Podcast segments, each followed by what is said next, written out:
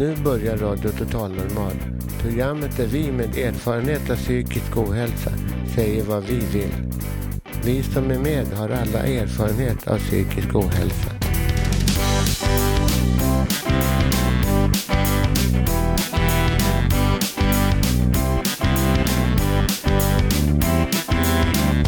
Du lyssnar på Radio Total Normal.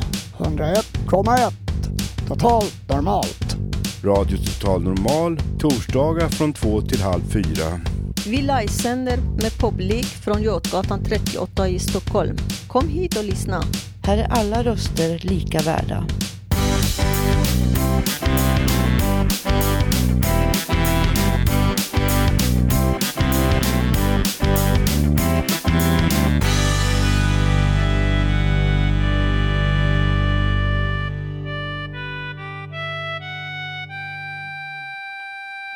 Ja, varmt välkomna till denna härliga torsdag.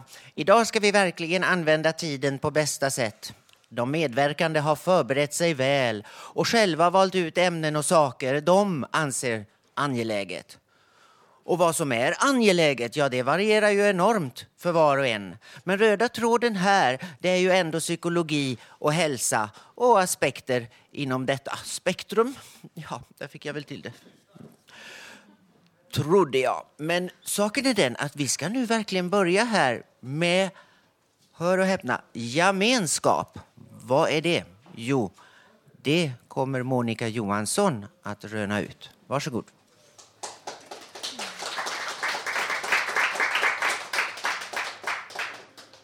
Hej kära vänner, jag är jätteglad att ni är här och att jag är här. Ha, nej.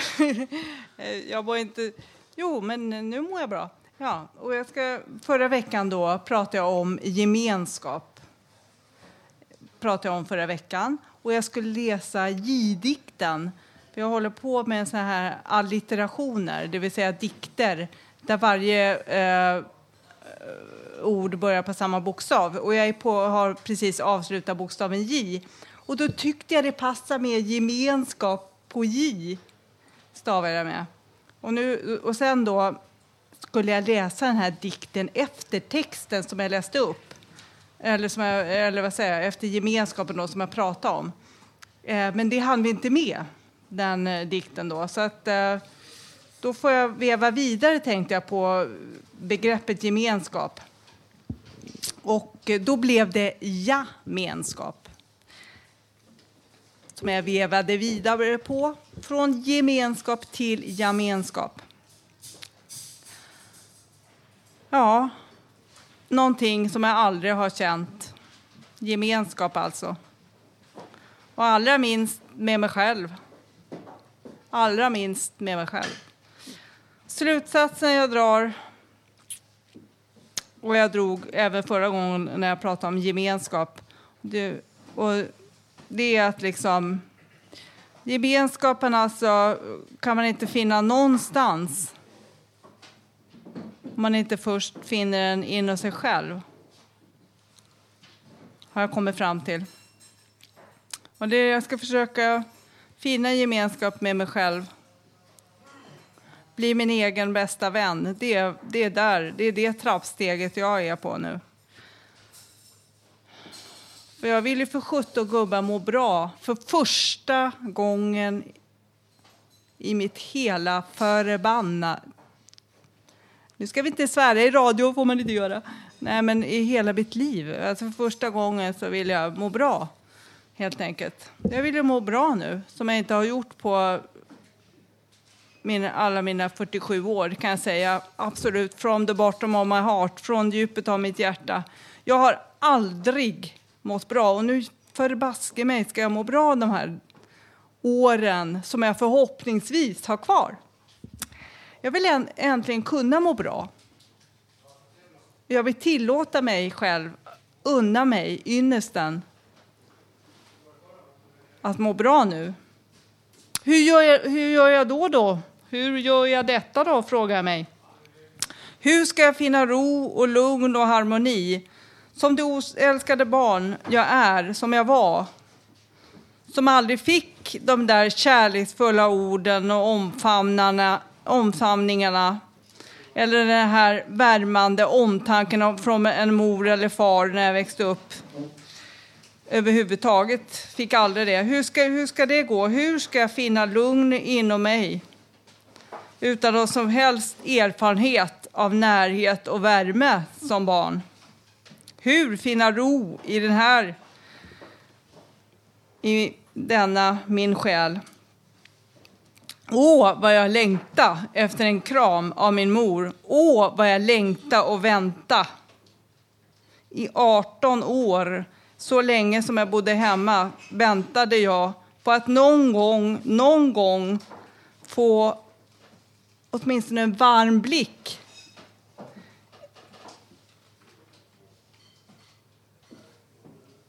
En kram, det var för mycket begärt kanske.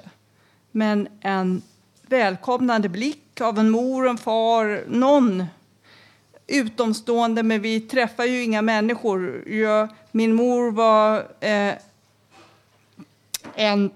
Det var väldigt... Eh, hon var väldigt... Eh, det måste ha varit att hon hade social fobi, för hon gick aldrig ut. Men jag väntade och väntade på den där kramen som aldrig kom i alla fall. Vi i min familj var som sju individer under samma tak utan inbördes, utan inbördes kommunikation. Inte utom, ingen kommunikation, inte, ingen utombordes in, eh, kommunikation heller. Ingen värme, absolut ingen gemenskap. Men, men, nu är nu och jag vill leva nu. Men snälla, det är ju det som är mitt problem. För hur gör man när man lever? Det vet inte jag. Jag vet inte hur man gör när man lever. Hur tusan ska jag då kunna leva? Vad är livet? Det, kan man ju börja med att fråga mig och det har jag börjat med att fråga mig. Vad är livet alltså? Jo, och det kommer direkt svaret. Jo, det är gemenskap, gemenskap. Ja, för jag har förstått att eh, jag måste finna gemenskapen i mig själv. Och livet för mig, det är gemenskap. Att känna gemenskap, det är livet tycker jag. Och de flesta har ju erfarenhet av att någon av någon moder, moder någon mamma eller pappa eller en annan person som de kunnat få någon slags bekräftelse av i alla fall under årens lopp. Jag har alltid lidit av den här avsaknaden av bekräftelse och värme av någon vuxen. Jag har lidit av att aldrig haft förmågan, förmågan att kunna känna gemenskap. Och eh, ja, det måste sägas, det måste erkännas. Jag gör det här och nu. Jag skiter i, höll jag på att säga, men det sa jag inte. Eh, jag, jag måste säga, och det måste erkännas. Jag blev handikappad. Jag är väl handikappad, halvkappad eller vad- kallar det vad du vill. Funktionsnedsatt, handikappad, funktionsnedsatt. Jag vet inte vad det kallas, men jag bryr mig inte vad det kallas. Det, det är bara konsekvensen av hela det här att jag aldrig eh, hade någon gemenskap då jag växte upp. Något fel har det ju blivit. För jag fungerar inte eh, normalt eftersom jag kan inte härbärgera alla känslor som dyker upp. För känslor dyker alltid upp när man har relationer till alla människor, till andra människor. Så dyker det alltid rela- eh, eh känslor upp. Mer eller mindre starka, mer eller mindre långvarigt.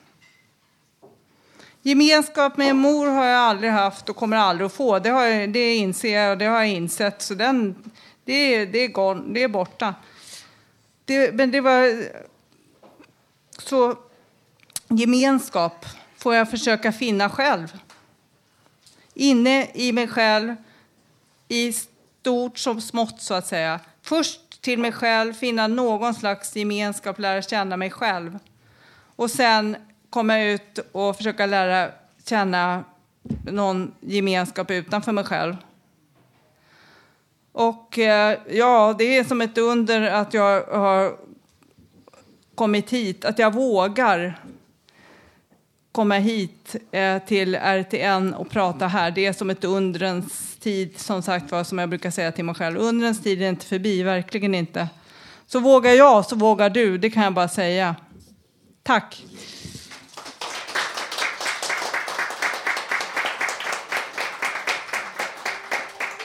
Jo, eh, jag avslutar nu med den här dikten. Schysst jordad Jupiter. Det är J-dikten, alltså. Alla ord börjar på J. Schysst jordad Jupiter, jiddrande, jitterbuggande, jäsande jordmån, jolmigt gäspande jubilar. Jovialiskt jonglerande jade-juvel, jämrande jalusifönster justerbart. Ljusblått djungelvrål jordande jingel. Och så hittade jag en bild på nätet eh, med såna här Telegrafer, Ja, men det kan man ju inte se i radio, det tänkte jag inte på. Men tack i alla fall.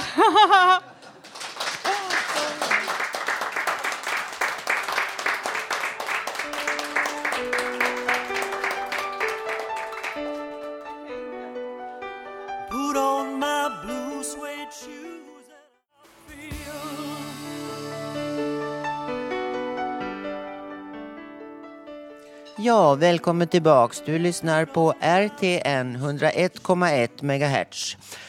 Och ja, jag heter Katrin Loford. Och vet ni vad? Vi har fått nya partner i Eksjö. Det ska vi höra om lite senare i programmet. Och så var finansborgarrådet Sten Nordin här i fredags. Jo då, och intervjuad blev han. Och ja, jag känner mig lite ja, svävande och vädjande idag. Jag har inget sånt där inslag i vanlig bemärkelse utan istället beskriver jag lite ja, situationen här och nu. Man eh, kanske borde vara lite mer spontan ibland. Ja, jag sitter här och bläddrar bland nya och gamla utkast till så kallade manus. Ja, Tänk att efter varje sån här radio totalnormal sändning, RTN förkortat, frågar jag mig alltid, gick det hem? Blev man förstådd på rätt sätt?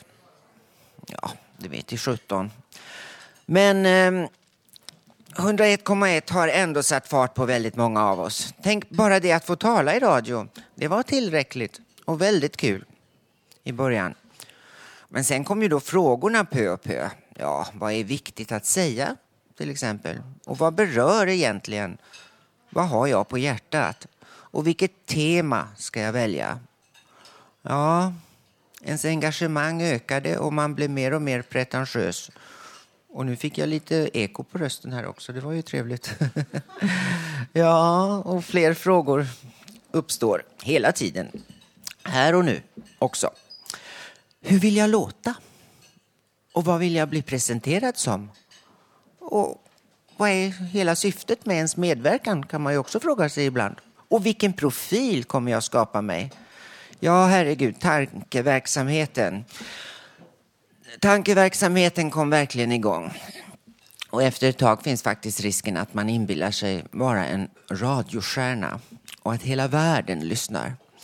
När man sen inser att så är kanske inte fallet, ja då kan fallet bli hårt och man nästan funderar på att sluta. Men en liten drama queen som jag, hon slutar inte. Nej, hon avgår i så fall. Nej, alltså det är ju ändå lite kul. Det är nog visst det här med att sitta här. Jo, det är det. Det måste jag säga. Radio Total Normal är toppen. Absolut, det vill jag lova.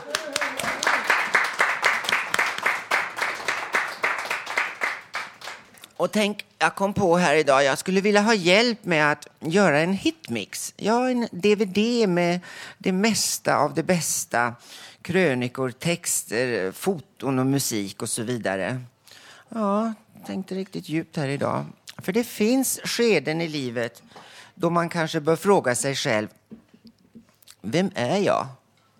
Vad vill jag? Och hur ska jag åstadkomma det? Mm. Man vill ju framåt. Medan ämnena här oftast handlar om stora, allmänna psykiatrifrågor så har jag velat hålla fokus mer på här, nu och oss. Ja, jag känner mig för gammal och otålig för att vänta på någon så kallad attitydsförändring i samhället. Opinionsbildning, det är mig personligen lite långsökt. Jag vill ha action, action nu. Ja. Dessutom har jag hört man gör ej längre karriär inom en organisation utan snarare som människa. Så kan man ju också se på livet som en ICA Maxi-butik. Ja, om mjölken är slut i mejeridisken, vad, vad hjälper det att hundra personer står där och klagar och gnyr? Det händer ju inget förrän en person går in på lagret och hämtar mjölken. Ja, men så är det. Ja, det finns många reflektioner på livet. Och om nu RTN här har tusen eller tiotusen lyssnare, det vet vi ej.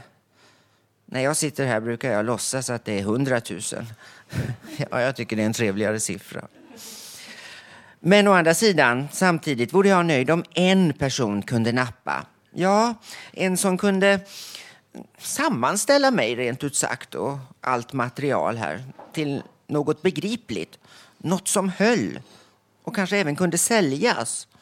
Ja, så jag efterlyser här en samordnare, manager, företagare. Här finns en produkt som går att utveckla och redigera. Produkten heter Katrin, men det krävs en hitmix först. Ja, det gör det. Och jag vore väldigt tacksam för att få lite förslag till samarbete. Hör av dig.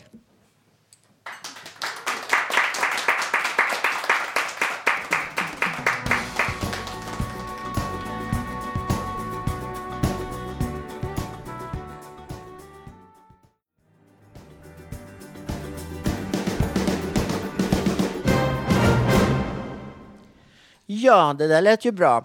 Radio Total Normal har fått nya korrespondenter ute i landet. Jo, det är Eksjö fontänhus som nu har börjat göra radio för Radio Total Normal.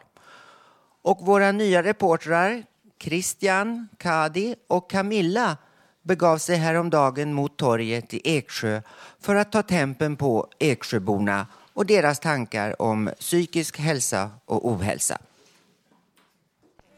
Tycker du att det finns fördomar mot psykisk ohälsa? Ja, absolut, det tycker jag. Vad menar du då? Alltså jag, jag skulle önska att man hade kommit längre i, i vårt samhälle så att man skulle kunna prata om psykisk ohälsa precis lika väl som man pratar om att man har brutit ett ben och att det skulle vara liksom lika okej. Okay, men jag upplever inte att det är det. Nej, men det är någonting man får jobba mot helt enkelt då tycker du? Ja, absolut. Det krävs mycket, mycket insatser för det. Och eh, mycket kunskap tror jag. Det viktiga är att sprida kunskap. Tror du att det finns fördomar mot psykisk sjukdom? Ja, det tror jag att det finns. Eh, vad kan det bero på tror du? Eh, det är troligtvis att eh, okunskap. Kan du ge oss lite tips hur ska man kunna förbättra den okunskapen? Information är nog rätt bra och att de får eh, komma ut i samhället bättre kanske och visa upp att det är inte så farligt. Tycker du att det finns fördomar mot psykisk ohälsa? Inte i min värld. Hur menar du då om jag får fråga? Jag jobbar ju med det så jag tycker inte, jag vill inte se det så. Hur tror du att ungas människors situation ser ut i den närmaste framtiden och hur kan man kanske eventuellt göra något åt det? Eh, man måste göra mycket för att hjälpa dem. Jag tror att det är många som mår dåligt. Tror du att det finns fördomar för psykisk sjukdom? Ja, jo, det är jag övertygad om att det finns fördomar naturligtvis. Det märker man när man kommer ut i samhället att, eh, att eh, vissa människor eh, värdesätter andra människor annorlunda på grund av psykisk sjukdom. Vad tror du, hur kan vi förbättra allmänhetens attityd om detta? Ja, det måste ju vara egentligen om att sprida kunskap om att eh, det är inte någon större skillnad egentligen att eh, eh få en eh, få ont i ryggen och gå till en läkare. Jag menar eh, en psykisk sjukdom får man eh, är ju, är ju en sjukdom som allting annat och eh, man, man måste, man måste eh, man ska inte skilja egentligen på psykisk sjukdom och, och eh, fysisk sjukdom. Och det tror jag är viktigt. Eh, Och det, då handlar det nog egentligen om att, eh, att, eh, att sprida kunskap om den biten. Tycker du att det finns fördomar mot psykisk ohälsa i samhället? Ja, utan tvekan är det så. Tyvärr. Vad kan man göra för att ta bort den här fördomarna mot psykisk ohälsa? Jag tror att eh, vi ska tala öppet om dem. Jag, jag tror att det är ett gammalt arv. Man sopade psykiskt sjukdomar under mattan. Det, skulle, det, var, det var något som var skamligt. Men det är det ju inte. Det är precis som vilken sjukdom som helst. Vi ska tala upp, öppet om det. För jag tror det är det det handlar om. Folk vet för lite om det. Det här med att vi från Fontänhuset står så här ute på torget som vi gör idag. Är det en bra sätt för att ta bort fördomarna lite? Ja, absolut. Absolut. Och ännu mer än, än bara det här. Va? Ni, ni är ju ändå väldigt duktiga. Ni syns väldigt mycket och det märks genom er tidning och allt möjligt sånt här. Men jag, jag tror att det är helt rätt det ni gör. Ut och visa upp er. För ni är inte konstigare än vad vi är. Precis, vi är lite smartare än vad ni är. Till och med det du. Till och med det. Eh, Vad ser du, alltså hur ser du på psykisk hälsa? Vad är psykiskt friskt? Det är också en väldigt svår, svår definition tycker jag. För alla har vi väl vårt med oss och frågan är vad är. Om det är någon som i så fall är psykiskt frisk eller som har en psykisk hälsa som är fullständig. Det tror inte jag. Kanske inte fullständig, men en livskvalitet. Vad är en bra livskvalitet? Ja, en bra livskvalitet är att få göra det man eh, tycker om. Att, få, att ha ett arbete som man trivs med, att ha familj, vänner, ett nätverk omkring sig och känna sig trygg med det. Och eh, det, det förutsätter ju inte varken egentligen psykisk eller fysisk hälsa utan man kan ha en god livskvalitet i alla fall. Jag tror att det är många personer i samhället som lider av psykisk ohälsa. Ja, visst är det. Tror jag. Vad tror du är psykiskt friskt? Psykiskt friskt. Det är det. Det är nog en tillfällig det är nog ett tillfälligt tillstånd. Det är nog när man är nöjd och glad. Ja, det var väl trevliga smålänningar det där. Nu hann jag tyvärr inte exakt lyssna på allt vad de sa, men då får ni göra som jag. Gå in på www.radiototalnormal.se och där kan man klicka på lyssna i efterhand. Ja, visst är det fiffigt. Mm.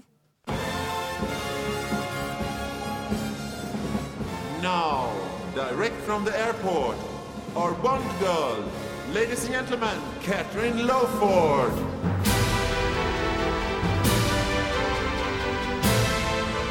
Ja, nej herregud, jag ska varken dansa eller sjunga här idag.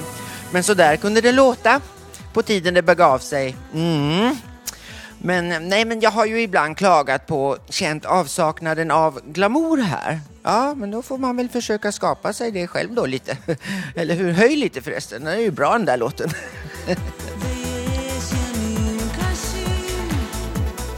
Tänk att i mina vildaste fantasier och drömmar har jag ofta tänkt, ah, vi lägger ner det här med ohälsa och Radio Total Normal och gör nattklubb av det här stället istället. Ja, det kanske vore bättre. Tänk på saken. Poesi i Radio Total Normal. Ja, nu har jag fått en mycket trevlig dam här vid min sida. Hon heter Ebba. Varsågod Ebba. Ja, hej. Jag är uppmanad att läsa en, en liten dikt jag har skrivit. Eller ord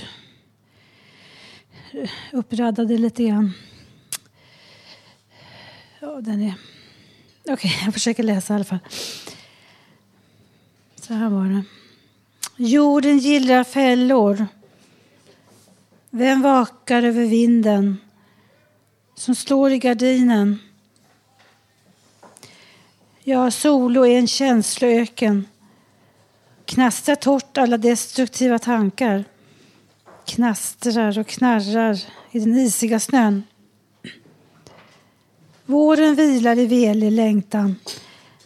Varför blir det inget av livet? Vet. Vem vet? Jag rundar cirkeln i ormens svans. Den jag tecknade en grå gårdag. Ormfisken i blått, gult och orange värnar om en levande kraft. Kanske jag. Vem vet? Kanske jag en dag stiger upp morgonsluten i en gnistrande rymd. Stjärnspäckad, blåisig med isrosor inramade lyckopilar. Vaden varthän i sommarens soliga dagar. Solen skiner från klarblå sky, men vem skyr vimsiga ramsor? Väller fram ur pennspetsen. Till vilken nytta? Kanske min lust bara blir fylld av sång. Tack.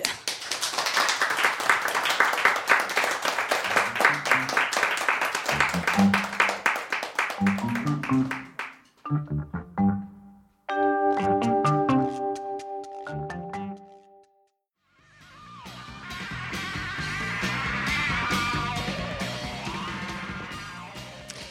hejsan hejsan allihopa där ute och här inne. Det här är Karina Borg som talar igen. Som vanligt, ganska vanligt, så kommer jag att läsa ur boken Man kan bli galen för mindre och idag tillsammans med Katrin som ska spela psykiatriker. Den här berättelsen är skriven av Helena Leid och den heter Vi hjälper dig och det är precis vad de inte gör. Ja, det är verkligen roligt det här. Jag har haft många roller i livet, men aldrig den som psykiater. Nu tar jag på mig glasögonen. Tro inte att du är betydelsefull. Du ska vara nöjd med den vård vi ger dig. Om vi tar bort din möjlighet att få stöd på kvällar och nätter så måste du förstå att vi måste göra det. Mm. Du har ringt för mycket. Du ska förresten alltid vända dig till dem som finns i din vårdkrets. Inte prata runt med en massa andra. Men det stod ju i min behandlingsplan att jag fick ringa. Jag har behövt det stödet. Varför har ingen informerat mig om det? Att denna möjlighet för mig att genomlida ångesten på kvällar och nätter har tagits bort. Nej, nej, du får inte trappa ner din medicin nu. Trots att vi sa det när du började med den nya tabletten. Du är ju så skör på sommaren. Din läkare har slutat så nu har du ingen läkare igen. Du ska vara nöjd. Du ska inte klaga. Du ska inte kräva din rätt. Du ska tyst lyda oss. Vi är makten. Du ska visa dig duktig och städa själv trots att du har rätt till hemtjänst. Att du inte har råd till det, det är inte vårdens fel. Det är inte vårt fel att du är sjuk och att du inte har råd. Trots att vi en gång för många år sedan gjorde dig till brukare, till en som inte klagar eller klarar av någonting ja och inte tro på sig själv. Ja. Vi var ju snälla och gav dig förtidspension. Nu behöver du inte oroa dig över att få ditt fall omprövat av Försäkringskassan vartannat år. Visst, det var vi som gav dig tablett efter tablett, men det var du som ville ha dem. Att du gått upp i vikt beror inte bara på Cyprexa. Dokumentären på tv om det medlet var onyanserad. Att det lidande i Amerika lyckats stämma tillverkaren på miljonbelopp för att det faktiskt är av medicinen de har gått upp i vikt är så typiskt amerikanskt. Du får lov att ta kontakt med en dietist. Lär dig att äta rätt. Jag kom till en dietist som tvingade mig att äta alla mål plus mellanmål så att jag fick ont i magen och nu har problem med att alls äta. Jag hade svårt att få i mig allt det som dietisten tyckte att jag skulle äta. Den veckan jag gick hos henne fick jag enorma magsmärtor. Vårdguiden sa att det var normalt. När jag slutade hos dietisten hade jag kronisk magkatarr och andra magproblem. Meningen var att jag skulle få hjälp att gå ner i vikt. Psykiatrin menar att det är mitt ätande det är fel på och inte det faktum att jag har tagit Cyprexa i tio år som gjort att jag nu väger 115 kilo. Vi vill att du ska umgås med andra som mår dåligt. Vi vill att du ska erkänna inom dig att du är en kroniker. Att du är iakttagen av samhället. Ja, vi vill ha kontroll över dig. Vi vill slussa in dig i verksamheter där du träffar andra i din situation. Att många av dem eh, menar är före detta narkomaner, kriminella och alkoholister som inte lyckas hantera sitt, sina liv. Det ska du bara acceptera och du ska gärna stötta dessa personer. Trots att du inte har någonsin använt narkotika eller varit kriminell. Vi berättar för dig att dessa personer inte är farliga, bara de tar sin medicin. Jag vill tro på mig själv. Jag vill känna att det jag gör är meningsfullt. Jag vill inte sitta på socialpsykiatrins tillhåll och spela spel. Detta är mitt liv och jag vill fylla det med mening. Du har ju fått fria händer. Du har uppnått alla dina mål. När du gick in i väggen fanns vi där och nu har vi dig i vårt nät. Det var ju tråkigt att du blev utnyttjad, men det liv du hade vill du väl inte ha tillbaka? Det liv du har nu är bra, men du måste gå upp på tidigare och du måste vara duktig.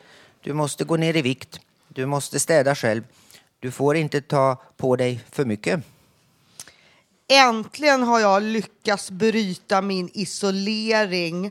Om det visar sig att jag klarar mig själv som jag gör nu, blir jag av med boendestödet då? Vilken framtid har jag? De som bor i träningslägenheter får hjälp med allt. Jag hinner bara med att sköta mig själv och min lägenhet och städningen. När ska jag få tid över till annat? Nu har jag tagit mig tid att skriva ner mina tankar om hur mitt liv ter sig. Jag tror inte att jag är ensam om min upplevelse. Du har väl inga stora tankar om dig själv? Mina dikter har blivit översatta till serbokroatiska och blivit publicerade i en bok. En av mina dikter var med i centralprovet för gymnasieskolan för några år sedan. Jag har stått på många scener. Jag arrangerade poesilag på Stockholms stads 80-årsjubileum. Du har stora tankar om dig själv. Tror du på dig själv för mycket lutar det mot att du har storhetsvansinne och det i sig är ett sjukdomstillstånd som vi inte kan acceptera. Du pratar väl inte inom dig själv? Du hör väl ingen inre röst? Du tänker väl inte för mycket? Du lever väl i verkligheten? Du tror väl inte på Gud för mycket? Lagom är vårt motto. Är du orolig? Ta en Atarax. Ta en Stetsolid bara i nödfall. Oj, har du blivit beroende? Det är inte vårt fel. Du har själv ansvar för ditt handlande. Men du ska veta din plats. Du ska inte dricka alkohol. Och är du glad utan anledning, då är du sjuk. Ja, och nu så tar vi en liten publikfråga här. Jag ska bara meddela att det finns ett telefonnummer att köpa den här boken på. Man kan bli galen för mindre. 21 berättelser inifrån psykiatrin. Och den finns att köpa ifrån 08 644 6220. Ja, då kan ni vinka till här inne nu om det är någon som känner igen det här att det inte har blivit hjälpt när man behöver hjälp. Kan vi få tala med någon? Någon som vågar ställa upp? Ingen här inne vågar ställa upp idag. Ja, då får vi väl ta en liten avslutning på det här. Så jag kan säga själv att jag har levt ihop med en man några år för ett par år sedan som just var med om det här att han hade blivit tillsagd att ringa till psykiatrin och få samtalsstöd. Och han fick inget samtalsstöd utan de sa det då får du vända dig till dem i din vårdkrets. Och de var ju inte där mer än eh, vanligt och upptagna och sådär. Så att få stöd på kvällar och nätter, samtalsstöd, det gick inte. Men för den här boken är en dikt av Tage Danielsson använd också. Droppar ur livets älv. En droppe droppade livets älv har ingen kraft till att flyta själv. Det ställs ett krav på varenda droppe. Hjälp till att håll det andra uppe. Tack.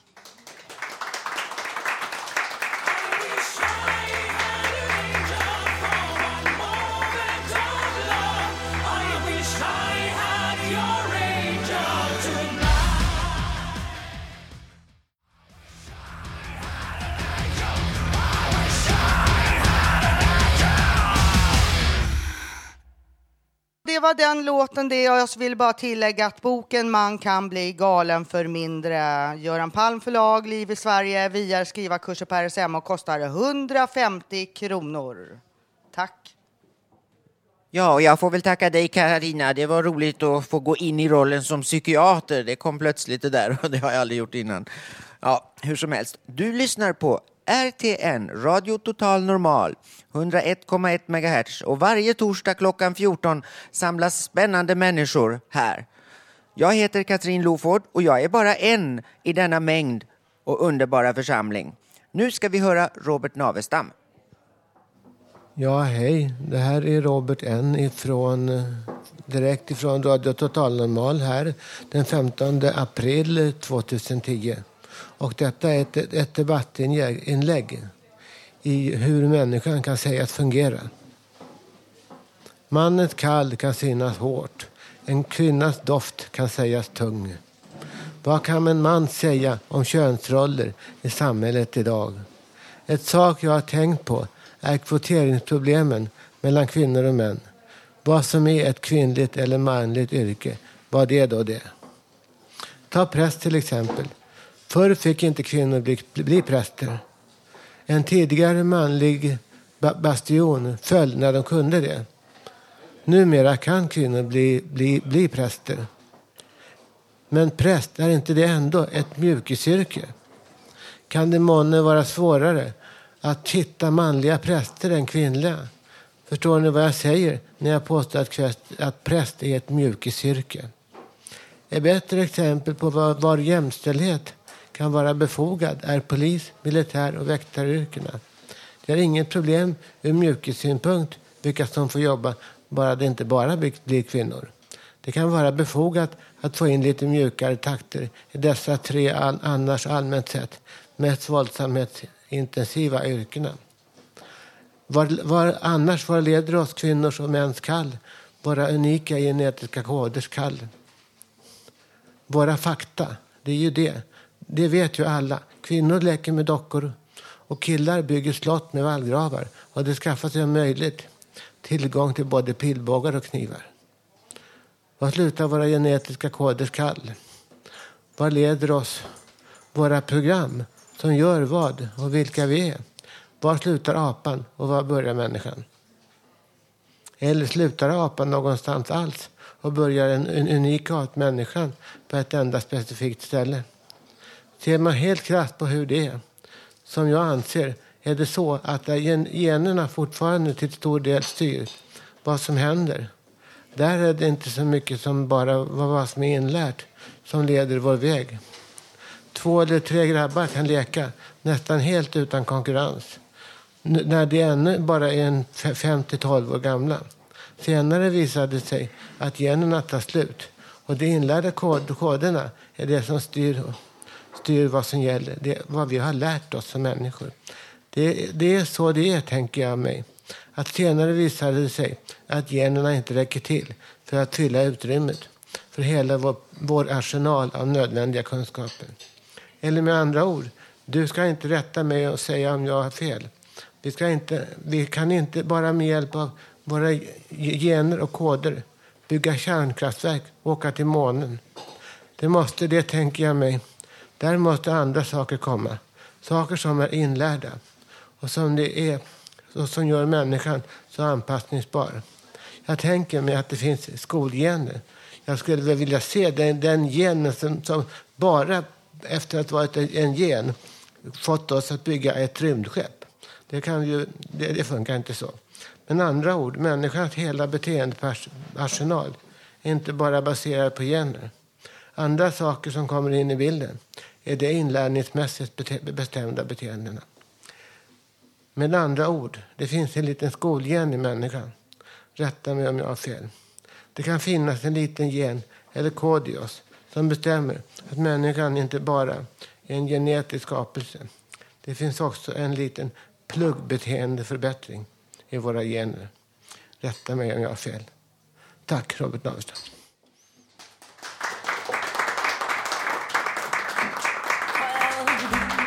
She's my baby. I don't mean maybe.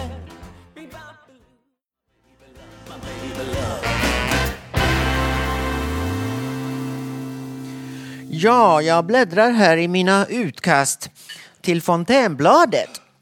Vi sänder ju från ett hus som också gör en tidning som heter Fontänbladet. Jo, och nästa nummer kommer om två veckor och ägnar faktiskt hela åtta sidor åt just fenomenet radio totalnormal. Ja, det är väl kul att få radion även på papper så att säga. Mm. Nu ska Hasse Kvinto både tala och sjunga. Ska du dansa också? Nej. Ja, det var ju synd det. Men kör igång. Eh, jag ska prata om eh, gråtandets roll i psykoterapi. När man lider av psykisk ohälsa är det viktigt att kunna gråta på djupet för att eh, må bättre. Djupgående terapi har liknats vid en gråtattack. Patienten gråter regelbundet. Det har kallats självömkan, ett pjoskande med jaget, svaghet och hysteri. Jag tycker inte något av detta stämmer, säger primalterapins grundare Arthur Janov i sin bok Nya primalskriket.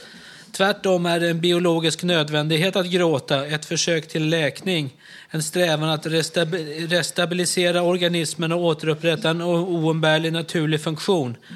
I själva verket tror jag inte att någon kan bli bra genom psykoterapi utan att gråta. Allt för litet av denna så kallade självömkan kan göra att man fortsätter att vara sjuk i såväl psykologisk som fysisk bemärkelse. Gråtande och behov.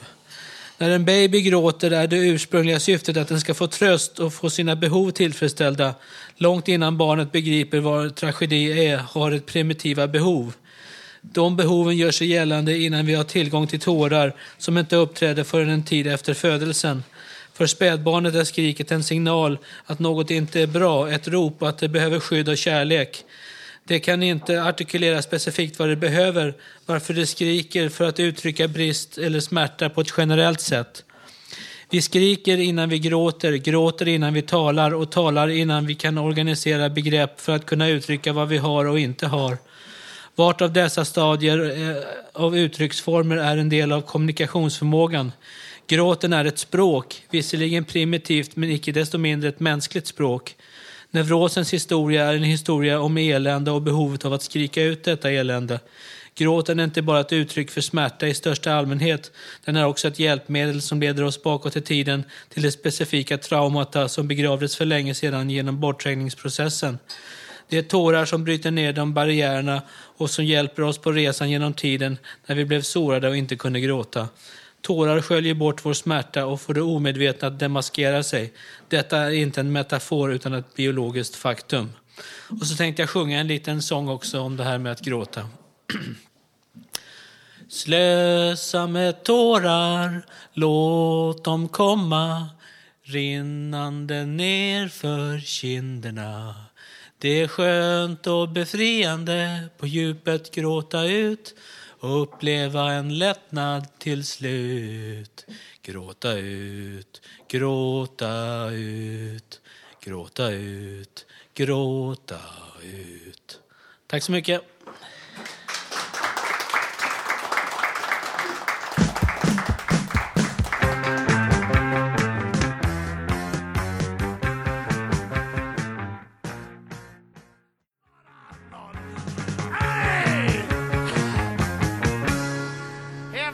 Ja, det finns mycket att säga här emellan varven, men eh, nu gör jag inte det, utan låter ordet gå till Håkan Eriksson.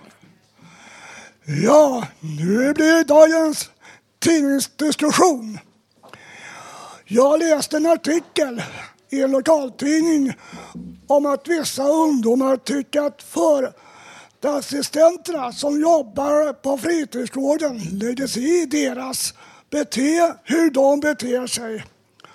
Och att de tycker inte om att assistenterna tar kontakt med deras föräldrar. Ungdomar upplever det som en skvaller. Många unga som är struliga idag kanske mår dåligt och har en besvärlig hemmasituation till exempel. Det får vi aldrig glömma bort. Så frågan är då hur ska man hjälpa de unga på bästa sätt? Att de ska få hjälp tidigt. Själv så var jag strulig under min uppväxt. Det kom fram till mina föräldrar. Då blev jag bestraffad för det. Jag fick en utskällning. Men jag tyckte att det var bättre att de fick reda på det. För om de sociala blev inkopplade. Men alla har ju inte föräldrar som tar ansvar. Så jag har en publikfråga till er. Ska man alltid kontakta föräldrarna? Eller vad tycker ni är bästa sättet att hjälpa ungdomar som är struliga eller har problem? Har ni några erfarenheter från ungdomen, er egen ungdom, hur man kunde hjälpa er på bästa sätt? Fick ni den hjälpen som ni ville eller ska de göra något annat? Här har vi listan. Ja, hejsan. Jag har ju jobbat med barn i fritidshemsålder och det blev ju mellanstadieverksamhet till slut och ett bra sätt att hjälpa ungdomen det är att gå ut i närsamhället så tidigt som möjligt. Att visa vad som finns där om man till exempel bor på Söder där eh, det kan vara ett väldigt tillhåll för eh, ja, folk som har hamnat lite på sniskan i livet. Så det är nog det bästa och eh, man kan ju ta en tipsrunda på fredagarna. Kila ner snabbköpet, vad kostar lite mjölk? Ja, vad ligger det och det? Och um, man kan även gå vandringar på Söder, en egen vandringsrunda på Söder tillsammans med personal och titta vem ligger begravd där. Cornelis Vreeswijk, vem var han då? Och vad har det varit för speciellt i det där huset? Eh, en eh, närområdesorientering helt enkelt. Det tror jag är väldigt bra. Ja, jag får tacka här på grund av tidspress och att jag har dåligt med tid. Så vill jag avrunda det här med en låt som är tro, hopp och kärlek. Och det är bara oss allihop. Lyssna gärna på texten. Tack för mig!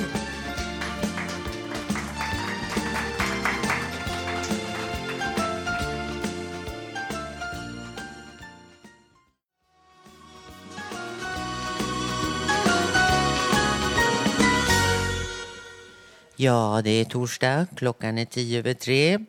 Solen skiner på Götgatan 38. Jag heter Katrin Loford och stämningen här i rummet är mycket god. Det har droppat in rätt mycket folk nu ser jag. Ja, det är rätt kul. Det är verkligen underbart att sitta här. Nej, men hörni, lyssna på det här nu då. Direct from the airport, our Bond girl, ladies and gentlemen, Katrin Loford. Ja, tack kära Gustav. Jag blir så glad av att höra de där gamla presentationerna man hade förr i tiden. Ja, lite, lite raffigt på den tiden. Men nu, nu ska det istället bli poesi och det ska det bli med Ulf Torell. Poesi. I Radio Total Normal. November var höst. I, idag tisdag. Jag bor i Hammarbyhöjden. Ett fartyg reste. Jag var på 1969 till 70. Båten kom till Engelska kanalen sjön Atlanten, Panamakanalen. Jag var i Europa, på sen Sydamerika, Hamburg, Tyskland, Antwerpen, Belgien. Ulf Träd tisdag 6 april.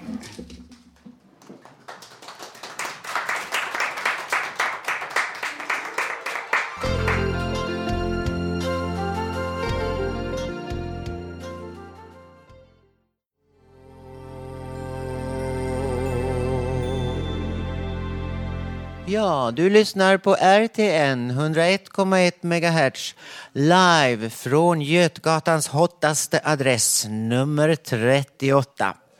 I fredags var Sten Nordin, finansborgarråd, här på studiebesök på Fountain House och här arbetas ju med rehabilitering av människor som drabbats av psykisk ohälsa. Vår reporter Karin Lundgren träffade Sten Nordin strax efter besöket. Ja, Sten Nordin, finansborgarråd i Stockholm. Du har varit på studiebesök nu på Fountain House. Och hur, vad är ditt intryck? Mitt intryck är att Fountain House är en väldigt bra och inte minst väldigt viktig verksamhet.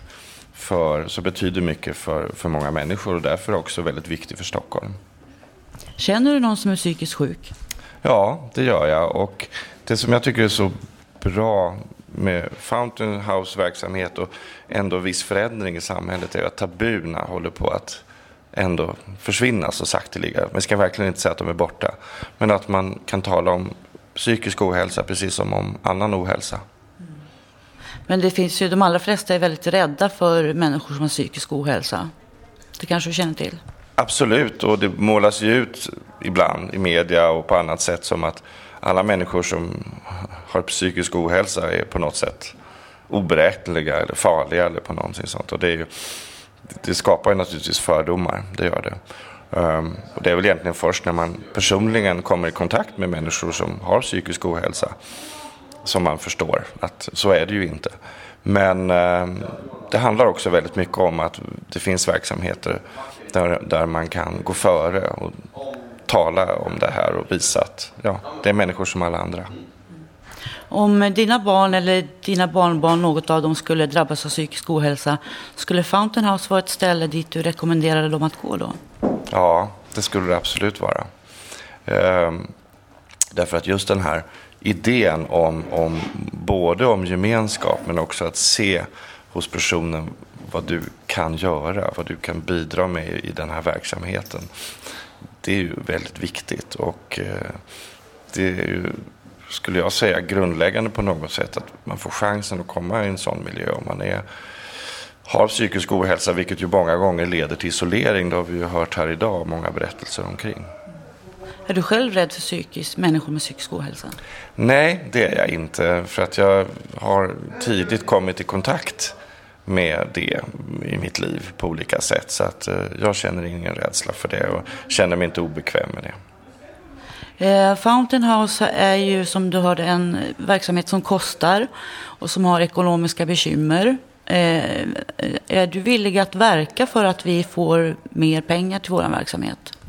Jag har lyssnat idag till berättelsen om, om den ekonomiska situationen som ju eh, är ett gemensamt ansvar både för Stockholms stad och många andra kommuner tycker jag.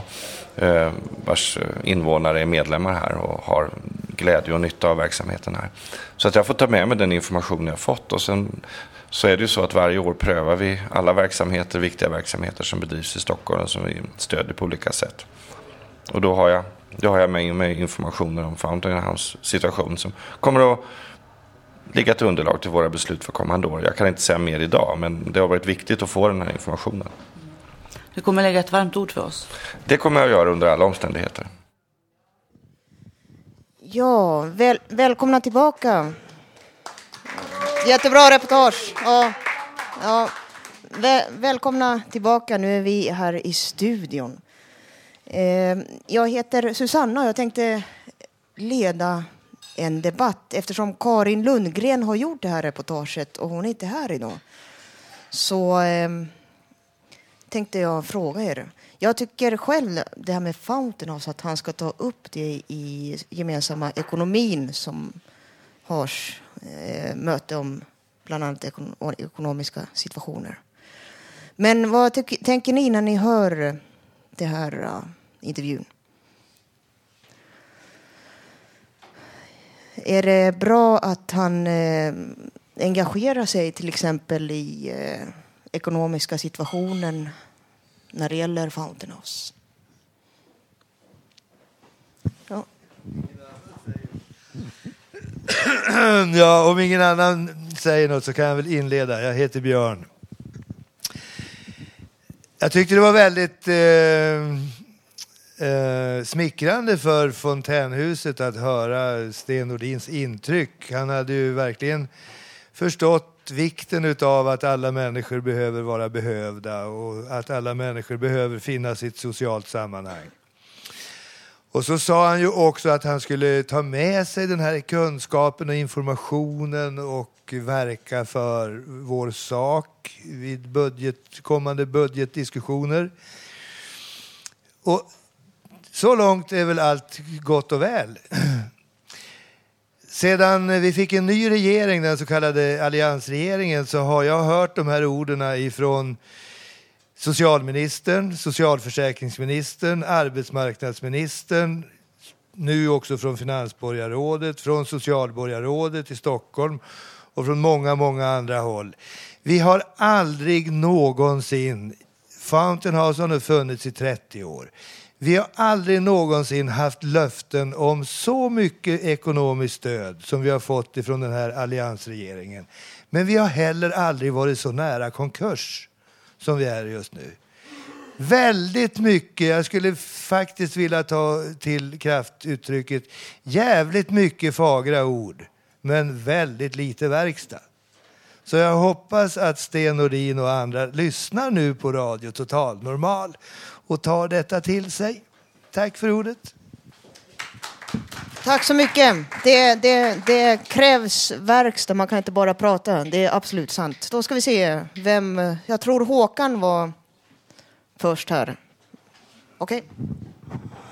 Jag hoppas alla ni politiker som Björn pratade vilt om nu, att det är inte bara ord, utan det är upp till vi bevis att ni verkligen vill stötta och upp till bevis nu.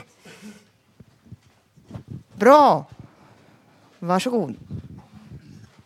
Ja, man kan ju prata där om ohälsa och så saker. Men man kan också prata om envisheten. Det här att man är envis och aldrig kan ändra sig utan man liksom går mot Lite grann som flugor. Va? De flyger omkring i ett rum och så ser de en, en, en, en, en eld, alltså flyger de rakt in och så brinner de upp. De är, de är alldeles för dumma liksom.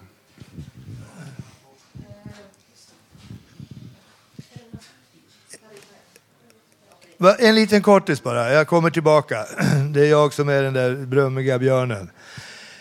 Eh, jag tycker att vi ska ta tillfället i akt att så här publikt nu för Radio Total Normals alla lyssnare säga att vi bjuder gärna in politiker från både oppositionen och majoriteten för en diskussion inför det kommande valet. På vilket sätt vill ni stödja, stödja oss? Med ord eller med handling? Det är ett förslag från undertecknad. Bra. Eh, då går vi, vi har några frågor till här. Tack. Eh, varsågod. Ja, det är väl så att politikerna har lite svårt att få arslet ur vagnen. Att samarbete sker via arbetsträning, sysselsättningsområden och arbetsförmedling, arbetsplats där man till slut förmodas kunna handla, hamna om man kommer tillbaka. Och en arbetsträning är ju det att det finns till och det har växt med arbetsträningar också och sådana sällskap bara för att man ska kunna återgå till jobb. Alla orkar naturligtvis inte och de kanske inte hamnar på en arbetsträning heller i så fall. Jag skulle vilja säga det att det är ju skönt att eh, de eh, inser att vi finns. Men jag vet inte hur det är med det här att de skulle helst skulle vilja se oss som en obefintlig kostnad. Men enda sättet att, eh, att vad heter det, moraliskt sett bli av med oss är att hjälpa oss och till, detta, och till detta behövs det pengar. Tack. Eh, jag måste få säga en avslutande liten grej i det här. Eh, när Sten Nordin var här så var det en av våra medlemmar som hade ägnat sig åt lite matematik. Och det är så att Stockholms stad bidrar med ungefär 1650 kronor per medlem och månad till vår verksamhet. Och då hade den här medlemmen gjort en matematisk uträkning och slagit ut den där kostnaden på alla Stockholms invånare. Och hör och häpna, då visar det sig att varje invånare i Stockholm bidrar till Fountain House verksamhet med motsvarande 1,5 öre per år. Hurra! Tack så mycket. Mycket intressant. Då lämnar vi ordet vidare. Nu går vi vidare.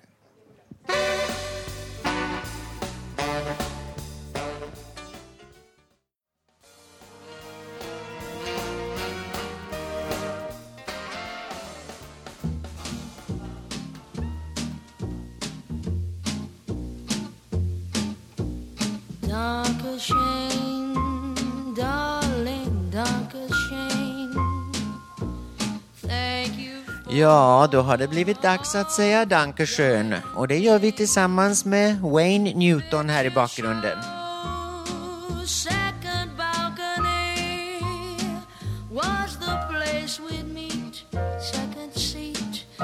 Dutch treat.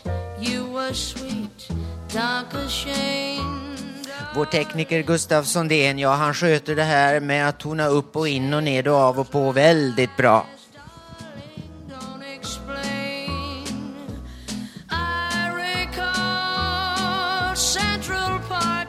Förutom just den här låten som är min favorit så valdes musiken idag av Karina Borg och Håkan Eriksson. Maila gärna in till oss med synpunkter och förslag. Adressen den är www.radiototalnormal.se.